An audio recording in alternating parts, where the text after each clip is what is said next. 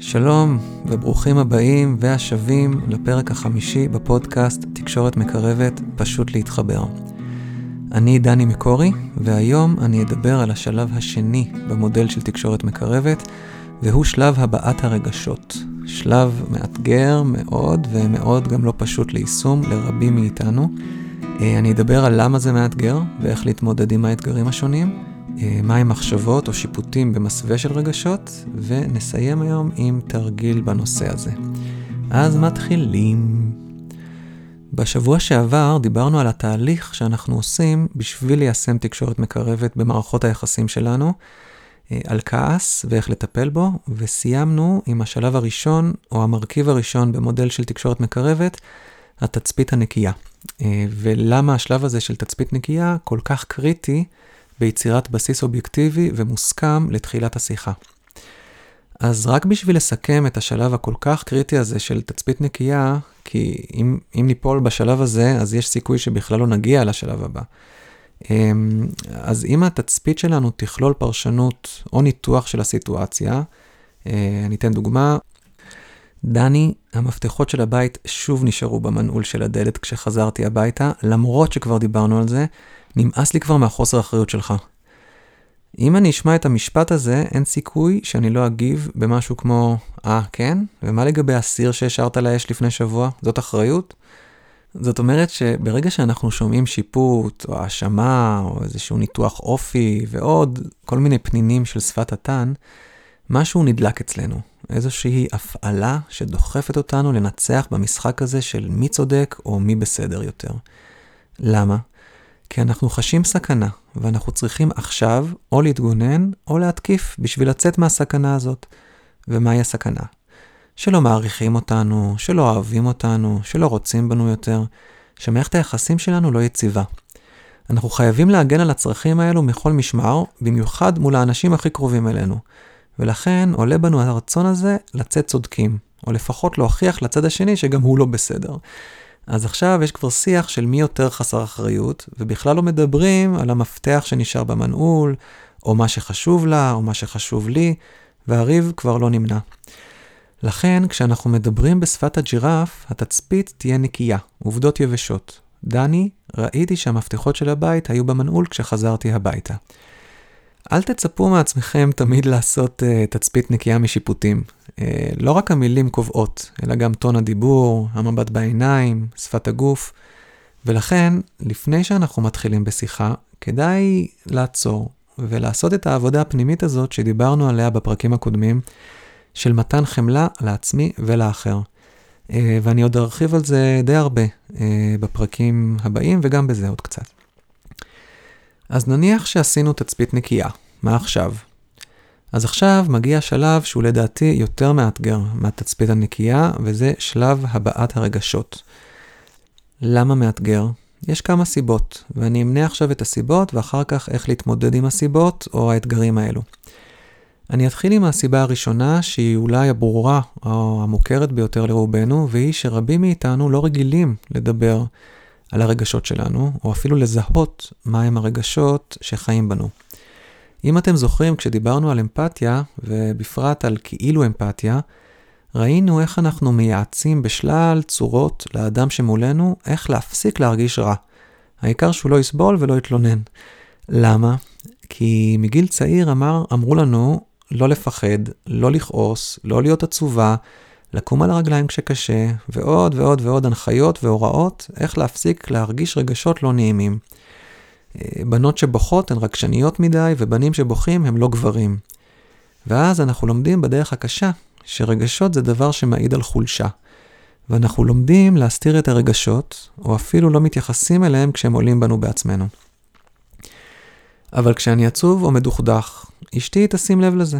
גם אם מאה פעמים כשהיא תשאל אותי אם אני בסדר, ואני אענה, כן, בטח, הכל טוב. אז כי אני, לדוגמה, אני מאלה שדואגים לכולם מסביבם וקצת שוכחים את עצמם, אה, אז כשקצת קשה, זה לא נורא. אני אתמודד. אה, התהליך בשבילי, ללמוד להתחבר לרגשות הקשים, לתת לעצמי את המרחב להרגיש אותם ולדבר אותם גם החוצה, הוא תהליך לא פשוט, שאני עדיין עובר עם עצמי, והוא בלי שום ספק אה, שינה לטובה את החיים שלי ואת החיים של האנשים הקרובים אליי. אולי שלהם אפילו יותר משלי. אמ, במשך מספר שנים עבדתי באל סלבדור, במסגרת העבודה שלי בארגון מוזיקאים ללא גבולות.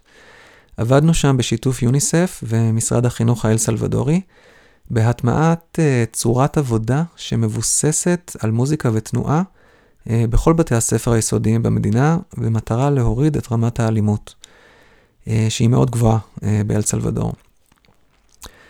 אחד המורים שהיה בקורסים שלי אמר לי שהוא מיואש ומתוסכל מזה שהוא צריך לבקש שקט כל פעם מהכיתה שלו מחדש. אז שאלתי אותו איך הוא מבקש שקט מהכיתה. והוא אמר לי שהוא צועק עליהם ומאיים עליהם בעונשים, ושזה מעציב אותו שהוא צריך לצעוק עליהם. אה, שאלתי אותו אם הוא אמר לילדים שהמצב מתסכל אותו ושהוא עצוב כשהוא צועק עליהם. הוא הסתכל עליי בפליאה, ואמר לי שאם הוא יגיד להם שהוא מתוסכל או עצוב, הם יצחקו עליו ויחשבו שהוא רכרוכי ובכלל לא יקשיבו לו. שאלתי אותו האם הוא רוצ... היה רוצה שהילדים יהיו בשקט כי הם מפחדים מעונש, או כי הם מתחשבים בו. מתחשבים בי, הוא אמר. אם כך, אמרתי, הם צריכים לדעת שזה חשוב לך, ומה קורה לך כשאין שקט. הוא אמר שהוא יחשוב על זה. כעבור כמה שבועות קיבלתי הודעה ממנו בפייסבוק שכבר שבועיים הוא לא צריך לצעוק בכיתה ושאני כבר אדע למה. אה, אז הסיבה הראשונה של להביע רגשות זה מאתגר, אה, היא שאנחנו למדנו לא להביע רגשות כי זה לא בסדר להרגיש רע, או כי זה מצביע על חולשה. הסיבה השנייה שהיא סיבה יותר מאתגרת, לדעתי, היא שחיבור לרגשות יכול להעלות פחדים, או שיפוטים, או טראומות מהעבר. יש אנשים שרק המחשבה על להתחבר לרגשות שלהם מבהילה אותם, כי יש שם איזשהו כאב מאוד מאוד גדול. אה, אולי הלב שבור ממערכת יחסים שבה רגשות היו חשופים, או שקרה להם משהו בגיל צעיר כאשר הם כן הביעו רגשות. רק השאלה מה חי בי יכולה להיות מאתגרת בפני עצמה, אה, ובדרך כלל יש שם הרבה כאב שנובע משיפוט על מה עשיתי או מה עשו לי כשהבעתי רגשות. או שכאשר הבעתי רגש, שפטו אותי או הענישו אותי, ועכשיו הבעת רגשות מקושרת לאירוע או האירועים הטראומטיים האלה. אחד המשתתפים בקורס מיינדפולנס שאני עושה, ביקש לשוחח איתי בטלפון, והוא אמר לי שעד היום הוא לא סובל את כל הקורסים האלה, שבהם אומרים לאנשים להתחבר לעצמם ולהקשיב לרגשות, כי רק ככה יש שינוי. אה, שזה מכניס אותו לחרדה ושהוא מרגיש שמשהו לא בסדר אצלו. אז בואו נעצור שנייה, הכל בסדר עם מי שאנחנו, כל אחד ואחת בקצב שלו ושלה. ועוד מעט אני אתייחס אה, למה אנחנו יכולים לעשות עם האתגר הזה ספציפית. הסיבה השלישית לאתגר בהבעת רגשות היא פשוט אופי, ולמרות שניתן להתווכח על האם אפשר לשנות דפוסים, הרגלים או תכונות אופי, יש אנשים שקל להם יותר להתחבר לרגשות ולדבר אותם, ויש כאלה שקשה להם יותר. זה קשור למבנה של המוח, לתהליכים ביוכימיים וסוג ורמת ההורמונים בגוף. זאת איזושהי נטייה טבעית או ביולוגית שלעיתים כדאי פשוט לקבל אותה במקום להתנגד לה. הסיבה הרביעית לאתגר בהבעת הרגשות היא השפה שלנו. השפה שלנו מאוד מגבילה. היא מגבילה בלהבין מה באמת קורה, ואני אתן דוגמה. אה, ראיתי את התינוק שלי, בן שנה וחצי, חופר באדמה. כל פעם כשהוא עושה את זה, אני חושב על המילה לחפור, ואפילו אומר לו אותה. הנה אתה חופר, איזה יופי אתה חופר, וכן הלאה. אני מלמד אותו שהפעולה שהוא עושה נקרא לחפור. אבל המילה לחפור היא נורא מצומצמת ומכילה בתוכה עולם שלם של פעולות וכוונות. כי הרי מה שהתינוק עושה זה, הוא מערבב את האדמה, הוא משחרר יצורים קטנים לאור העולם, מגלה שורשים, תולעים, שלשולים, מעביר אבנים קטנות משם לפה. זאת אומרת שחפירה, כפי שאנחנו מכירים את המילה, זאת רק פעולה אחת ומצומצמת לעומת אה, עולמו של התינוק באותו הרגע. ואז הוא גדל ולומד שהמילה חפירה זה בעצם רק הפעולה המצומצמת, וכבר לא משייך את כל שאר הדברים שהחפירה כללה כשהוא היה בן שנה וחצי. אז עכשיו תחשבו על רגשות. אותו הדבר קורה כשאני מתאר רגש. אתה עצוב? אנחנו שואלים ילד, ולא בדיוק יודעים מה זה אומר אצלו. וככה, במרוצת השנים, עצוב נהיה משהו מאוד מאוד כללי. אבל תחשבו על עצמכם, האם כל פעם שהרגשתם עצובים זה באמת הרגיש אותו הדבר? לכן יש מצבים בהם אנחנו נמנעים מלהביע רגשות כי השפה מגבילה אותנו ואנחנו חוששים שבכל מקרה לא יבינו אותנו ולא יראו מה באמת קורה אצלנו בפנים, ולכן אנחנו פשוט לא מדברים. אז אני אסכם. הסיבה הראשונה, חינוך להסתיר רגשות. הסיבה השנייה, טראומת עבר או חרדה מהבעת רגשות. הסיבה השלישית, אופי, מבנה המוח והורמונים. והסיבה הרביעית, מוגבלות השפה. אז איך מתמודדים עם כל האתגרים האלה? אז uh, קודם כל, מה שלדעתי חשוב לזכור, זה שהמטרה שלנו בהבעת רגשות היא לא להכריז על הרגשות שלנו וללכת, אלא לזהות צרכים שלא נענים כרגע, ושבגינם אני מרגיש את הרגשות הקשים. תקשורת מקרבת לא מכריחה אותנו לדבר את הרגשות שלנו, אלא רק אומרת שזהו שלב נוסף בלגלות מהם הצרכים שלנו שחיים בנו. לגלות, דרך אגב, גם כלפי פנים, זאת אומרת, עם עצמי, לגלות מהם הצרכים שלי, וגם כלפי חוץ, לגלות לאדם שמולי מהם אותם הצרכים. הרי שתי השאלות שמרשל רוזנברג, אבי תקשורת המקרבת, מציע שנשאל את עצמנו הן, אחת, מה חי בי כרגע? ושתיים, מה היה עושה את חיי יותר נפלאים? השאלה הראשונה, מה חי בי כרגע, מחוברת לרגשות, והשאלה הזאת משרתת את השאלה השנייה, מה היה עושה את חיי יותר נפלאים, שמחוברת לצרכים. והיא הסיבה האמיתית לרגשות שעולים בי, ולפעולות שאני בוחר לעשות במשך היום.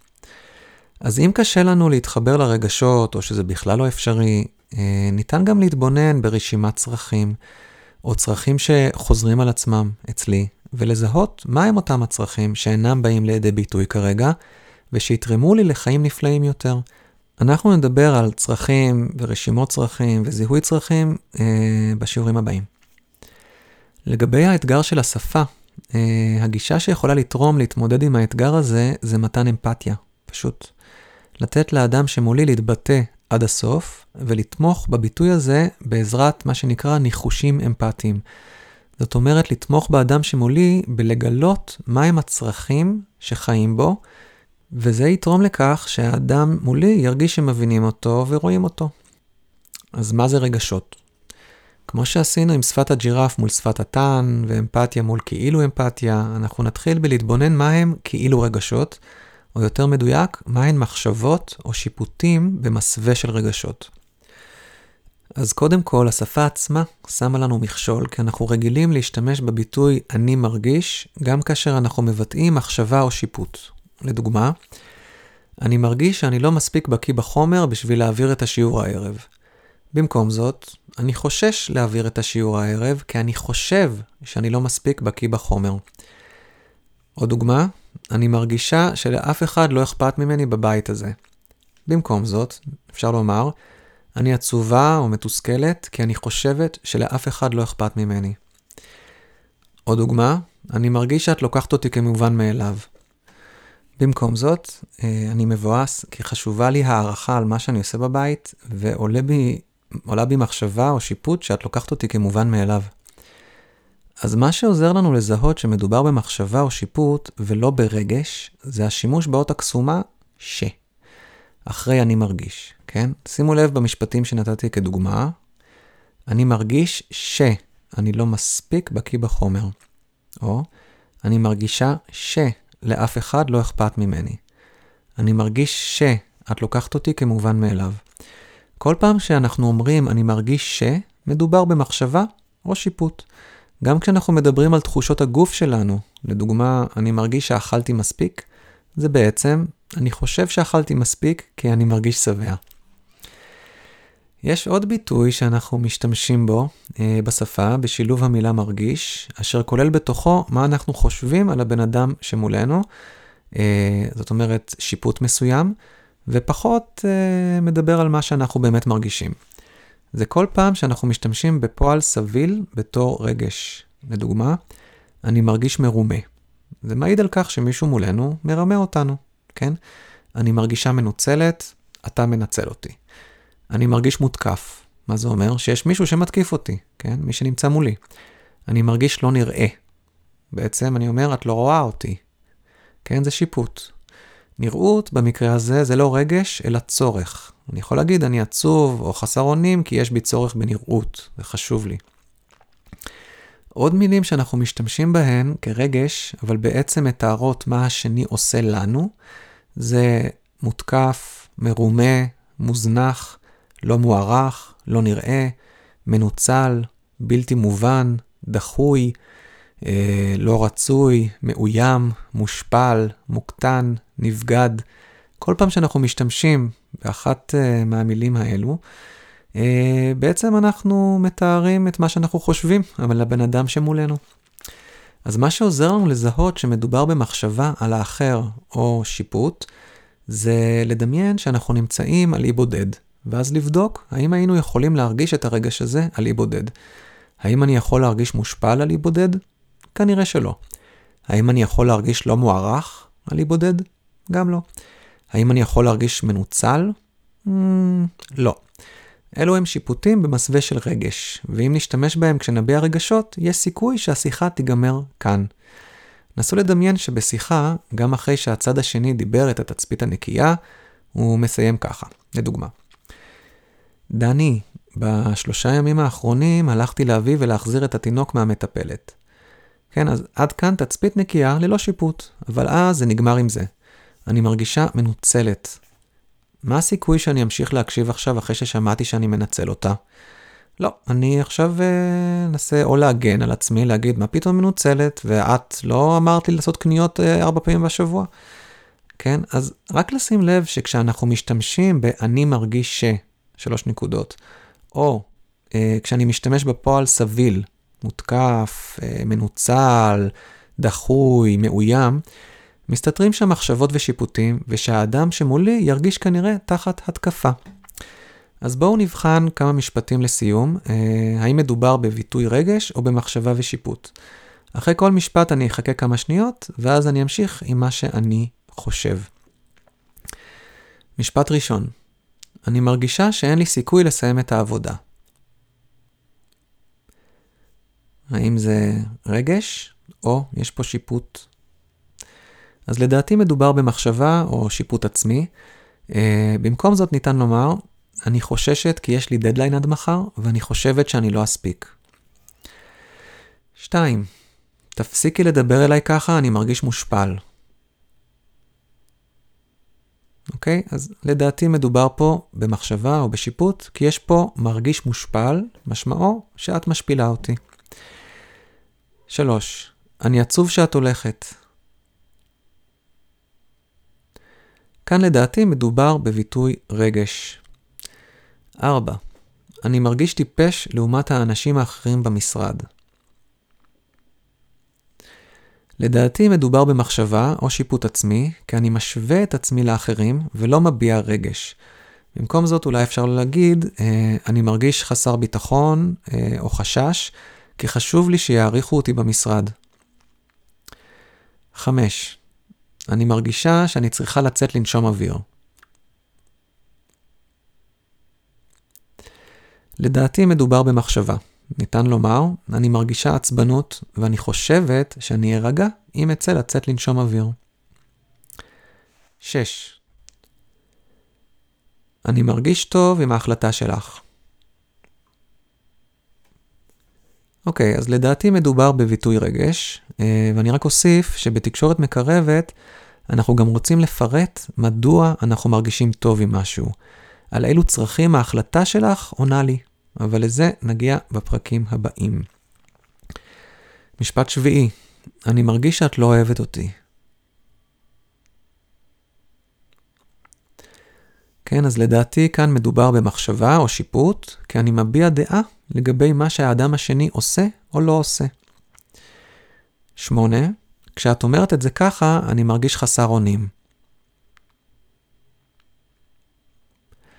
לדעתי מדובר בביטוי רגש. אה, במקרה הזה, הדובר שם את האחריות על האחרת, כן? אבל עדיין יש פה ביטוי רגש. כיצד לקחת אחריות על רגשות, אנחנו נדבר על זה בפרק הבא. אה, משפט תשיעי, אני מרגישה לא מוערכת בעבודה. לדעתי מדובר במחשבה או בשיפוט. אה, לא מוערכת זה שיפוט או מחשבה לגבי הפעולה של האחר, לא מעריכים אותי. משפט עשירי, אני מרגיש צורך בשוקולד. אוקיי, אז זה, זה משפט שאני אומר הרבה לעצמי, אה, אבל לדעתי מדובר במחשבה ולא רגש. אה, אני יכול לומר, אני מרגיש מדוכדך, אה, ואני חושב שאם אוכל חביסת שוקולד, אני ארגיש הרבה יותר טוב. בסוגריים כנראה שלא. אנחנו נמשיך לדבר על רגשות, על לקיחת אחריות על רגשות וחיבורם לצרכים בפרק הבא. מה לעשות השבוע? שימו לב לסיטואציות שעולות, לשיחות שבהן השתמשתם ברגשות בתור מחשבות או שיפוטים, איך זה יתקבל בצד השני. אה, כתבו איך ניתן היה לומר זאת אחרת בעזרת תצפית נקייה ורגשות שמתארים את מה שחי בכם ללא שיפוט או מחשבה. שימו לב למילים שאתם משתמשים בהן כשאתם מבטאים את הרגשות שלכם. אז זהו, לכל הערה, שאלה או בקשה, אתם מוזמנים לפנות אליי או בפייסבוק בדף שלי, פשוט תחפשו דני מקורי עם קוף בפייסבוק, או דרך אימייל בכתובת D מקורי, D זה כמו דני, מקורי, M-E-K-O-R-I, שטרודל ג'ימייל dot com. שיהיה המשך שבוע מקסים ולהתראות בפעם הבאה. ביי ביי.